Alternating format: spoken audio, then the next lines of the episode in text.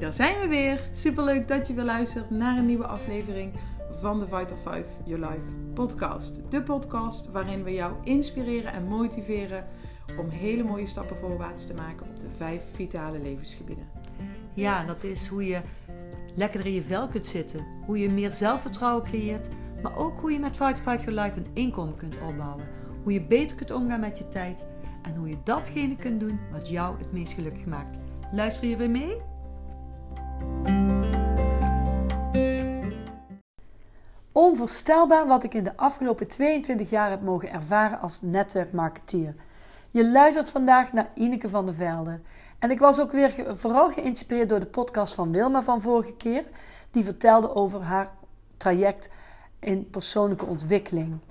Ik denk als je kijkt naar wat mij het meeste passioneert, is dat ik daadwerkelijk zie wat dit met mensen doet. Dat ik daadwerkelijk kan zien hoe zij hierdoor meer levenslust ervaren, waardoor ze weer doelen hebben, waardoor ze een blijer mens zijn, waardoor ze een betere partner worden, een betere vader of moeder worden, puur door het traject wat ze meemaken wanneer je start met netwerkmarketing en het bedrijf voor Ever Living Products.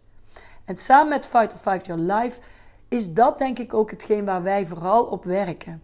Naast dat we een fantastisch product hebben, waar we natuurlijk allemaal heel enthousiast over zijn, en naast dat we een verdienmodel hebben waarmee je bovengemiddeld inkomen kunt realiseren, is denk ik wel dat dit de drijfveer is waarom zoveel mensen blijven werken met Forever in ons team, waardoor ze blijven doorgaan, ook al hebben ze het succes nog niet daadwerkelijk met betrekking tot het inkomen. Maar dat wat het ze brengt op gebied van persoonlijke groei, maar ook het plezier en de uitdagingen die je, die je krijgt met dit vak, ik denk dat dat de reden is waarom mensen bijna nooit stoppen om hiermee actief te blijven. En ik kwam onlangs weer een boekje tegen. Het is een oud boek. Het is geschreven door een tandarts die samenwerkte. Het is een buitenlandse, ik denk een Amerikaanse man. Samenwerkt met het bedrijf Forever Living Products. En ik was wel geraakt door het stukje wat hij schreef. En ik ga het zo meteen even voorlezen. En ik hoop eerlijk gezegd niet dat je jezelf erin herkent. Als dat wel het geval is, dan zou ik je sowieso graag willen uitnodigen om eens een keer met me in gesprek te gaan. Maar ik ga het even voorlezen. Ik wandelde in een dierentuin en kwam langs een gorilla die futloos in zijn kooi zat. Het dier vertoonde geen enkel spoor van energie of levenslust. Hij zat daar, gevangen in zijn vervuilde verblijf als een monument van gelatenheid en uitzichtloosheid. Hij leefde op de automatische piloot en had van binnen al jaren geleden afscheid genomen van het leven. Dit beeld deed me denken aan de massa's mensen die vastzitten in hun eigen mentale gevangenissen. Mensen die geleidelijk aan hun vitaliteit en de zin in het leven en werken kwijtraken. Talloze mensen gaan met tegenzin naar hun werk, naar een baan die ze geen enkele voldoening of uitdaging biedt. Deze mensen zijn net als die arme gorilla zo verdoofd door hun omstandigheden dat ze geen uitweg meer zien.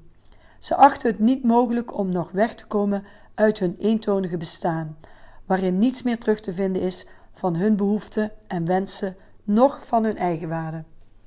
Ze berusten in een bestaan dat wordt geciteerd door twee diepe valkuilen. Uh, dat wordt gedicteerd door twee diepe valkuilen: gebrek aan geld en gebrek aan tijd. Binnen de kortste keren voelt dit zelfgemaakte keurslijf vertrouwd aan. En de droom van anders en spannender leven raakt op de achtergrond, vervaagt en wordt voorgoed vergeten. Hun leven kan vaak in één woord worden samengevat: gelatenheid. En zoals Norman Cousins zei: de tragedie van het leven is niet de dood, maar wat van binnen doodgaat tijdens het, ons leven. Nou, dit klinkt een beetje dramatisch. En ik moet je eerlijk bekennen, als ik om mij heen kijk, zie ik die gelatenheid bij heel veel mensen. En dat raakt mij. Het raakt me zelfs in mijn hart. En dat maakt mij nog uh, ambitieuzer om daadwerkelijk mensen te laten zien dat er wel andere mogelijkheden zijn. En natuurlijk kan ik niemand overtuigen. En dat is ook niet mijn, mijn, uh, mijn intentie. Maar ik zou mezelf ook niet kunnen vergeven als ik er niks aan doe terwijl ik het zie en ik weet dat er andere mogelijkheden zijn. Sowieso, als je omgaat met positief ingestelde mensen, die ook allemaal natuurlijk hun uitdagingen hebben, maar die wel kijken naar de oplossing en die elkaar inspireren om naar oplossingen te zoeken. Dat maakt je leven al een stuk gemakkelijker. Daarnaast is het heel fijn als je allerlei mooie tools en, en mooie ja, trainingen voor je neus krijgt, die je gewoon kunt oppakken en waar je dagelijks naar kunt luisteren of naar kunt kijken en je daardoor jezelf eigenlijk al een stukje in een andere mindset krijgt. Natuurlijk moet je zelf willen veranderen, maar soms is die stap naar verandering toch net even iets te moeilijk, omdat je inderdaad in zo'n cirkeltje rond blijft dwalen, rondjes blijft lopen in hetzelfde kringetje en daar eigenlijk niet uitkomt. Totdat er iemand ineens op je pad komt met een bepaalde vraag. Wat wil jij nou eigenlijk in het leven? Wie ben jij nou eigenlijk op dit moment? En wie jij nu bent, is dat hoe je jezelf zag toen je jong was? Toen je nog dromen en doelen had en toen je dacht dat het leven, dat je het leven helemaal aankon en dat niets je in de weg zou staan. Ik zou willen vragen of je daar weer even naar terug wil gaan. Ga weer eens terug naar die persoon, naar, dat, naar die jongen of dat meisje die jij was toen je nog weinig zorgen had. Toen je nog dacht dat het leven één groot feest was en dat alles wel op je af zou komen. Helaas is het leven en alles wat erbij komt kijken niet altijd roosgeur en maneschijn.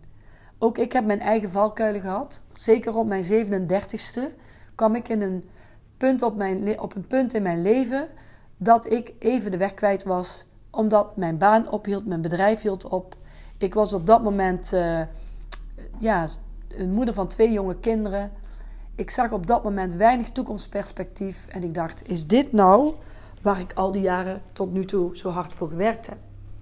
En gelukkig was mijn man de persoon die zag dat dit niet de Ineke was waar hij mee getrouwd was. En die dacht: hier moet ik verandering in brengen. En hij kwam met een advertentie aan van iets waarvan ik in eerste instantie zei: nee, daar ga ik echt niet naar bellen. Dat is niks voor mij. Het zal wel niks zijn, want zo dacht ik op dat moment. Wat ben ik blij dat ik, omdat hij bleef zeuren, dacht: ja, vooruit dan, omdat jij dat wil. Dat ik toch die telefoon heb gepakt en die jonge man had gebeld. Het was een jongen van 23 jaar die ik aan de lijn kreeg. En die jongen ben ik tot op de dag van vandaag nog altijd dankbaar. Ik heb hem inmiddels, denk ik, al ja, eigenlijk vrij snel daarna uit het oog verloren. Ik denk niet dat hij beseft wat hij met mijn leven heeft gedaan door die advertentie te plaatsen en te zorgen dat ik in contact kwam met de werkwijze van netwerkmarketing. En wat mensen ook over netwerkmarketing zeggen, dat begrijp ik helemaal. En ik vind het ook nog leuk om daar nog eens een keer een podcast aan te wijden over de, het verkeerde beeld wat mensen hebben over netwerkmarketing. Maar netwerkmarketing is eigenlijk, zeg ik altijd, één grote persoonlijke ontwikkelingsschool. Waarin je en je gezondheid in ons geval kunt verbeteren en daarnaast ook nog eens je levensstijl. Maar dat niet alleen, je wordt er gewoon een beter mens van. En dat komt omdat je alleen maar succes kunt creëren als je goede relaties hebt met anderen, als je zelf een leuk mens bent, als je zelf een oprecht mens bent, want anders val je toch gauw door de mand. En als je daadwerkelijk iemand bent die andere mensen wil helpen. Nou, als dat iets is wat bij jou past, dan zou ik zeker uh, ja, leuk vinden om eens met je in gesprek te komen. En als je door iemand uh, op deze podcast bent gewezen, dan zou ik zeggen: praat eens met die persoon. En vraag eens naar zijn of haar beweegredenen waarom ze hiermee gestart zijn. En wat het ze gebracht heeft. Interesse tonen is namelijk een hele mooie eigenschap. En het maakt niet uit in welke situatie. Als je interesse toont, oprecht wil proberen te begrijpen wat die ander jou wil vertellen, zonder daar een oordeel aan te hangen, zonder een soort scherm op te werpen van allemaal ervaringen die je ooit hebt gehad in je leven, dan, als je dat kan, nou, dat is zo verrijkend. Probeer het maar eens vast in je eigen relatie. Nou, als je een relatie hebt of je hebt kinderen, je hebt altijd wel een bepaalde manier van reageren op een bepaald onderwerp. Nou, als je dan eens gaat kijken wat het doet als je probeert te begrijpen wat die ander jou wil vertellen, zonder daar een oordeel aan te hangen, dat is echt zeer boeiend. Ik kan je zeggen, het is gewoon een, ja, je kunt, uh, je kunt een spel spelen, wat je, een bordspel of een spel met vrienden, maar het spel van het leven om elkaar te proberen te begrijpen. Ik denk dat dat een van de mooiste games is die je in je leven kunt, kunt spelen en waar je goed in kunt en wilt worden. Dat dat is in ieder geval mijn ambitie om goed te worden in het begrijpen en het begrepen worden. Want dat is de kunst. Dus mijn vraag, nogmaals terug te komen op het begin. Ga nog eens terug dromen naar wie jij was toen je jong en onbezonnen was. Toen je nog dacht dat het leven geen barrières heeft en dat het uiteindelijk allemaal wel goed zou komen. Want dat kan nog steeds als je maar dat stukje levendigheid in jezelf weer boven haalt en stappen gaat ondernemen die jou weer terugbrengen sorry, naar jouw doelen. Naar dat waar jij het meest gelukkig van wordt. Ik dank je weer voor het luisteren naar deze podcast. Ik ben heel benieuwd of dit jou geïnspireerd heeft. Laat het ons eens weten. Altijd leuk om reacties te krijgen. En uh, ik wens je alvast een hele fijne dag. En tot een volgende keer. Doei doei.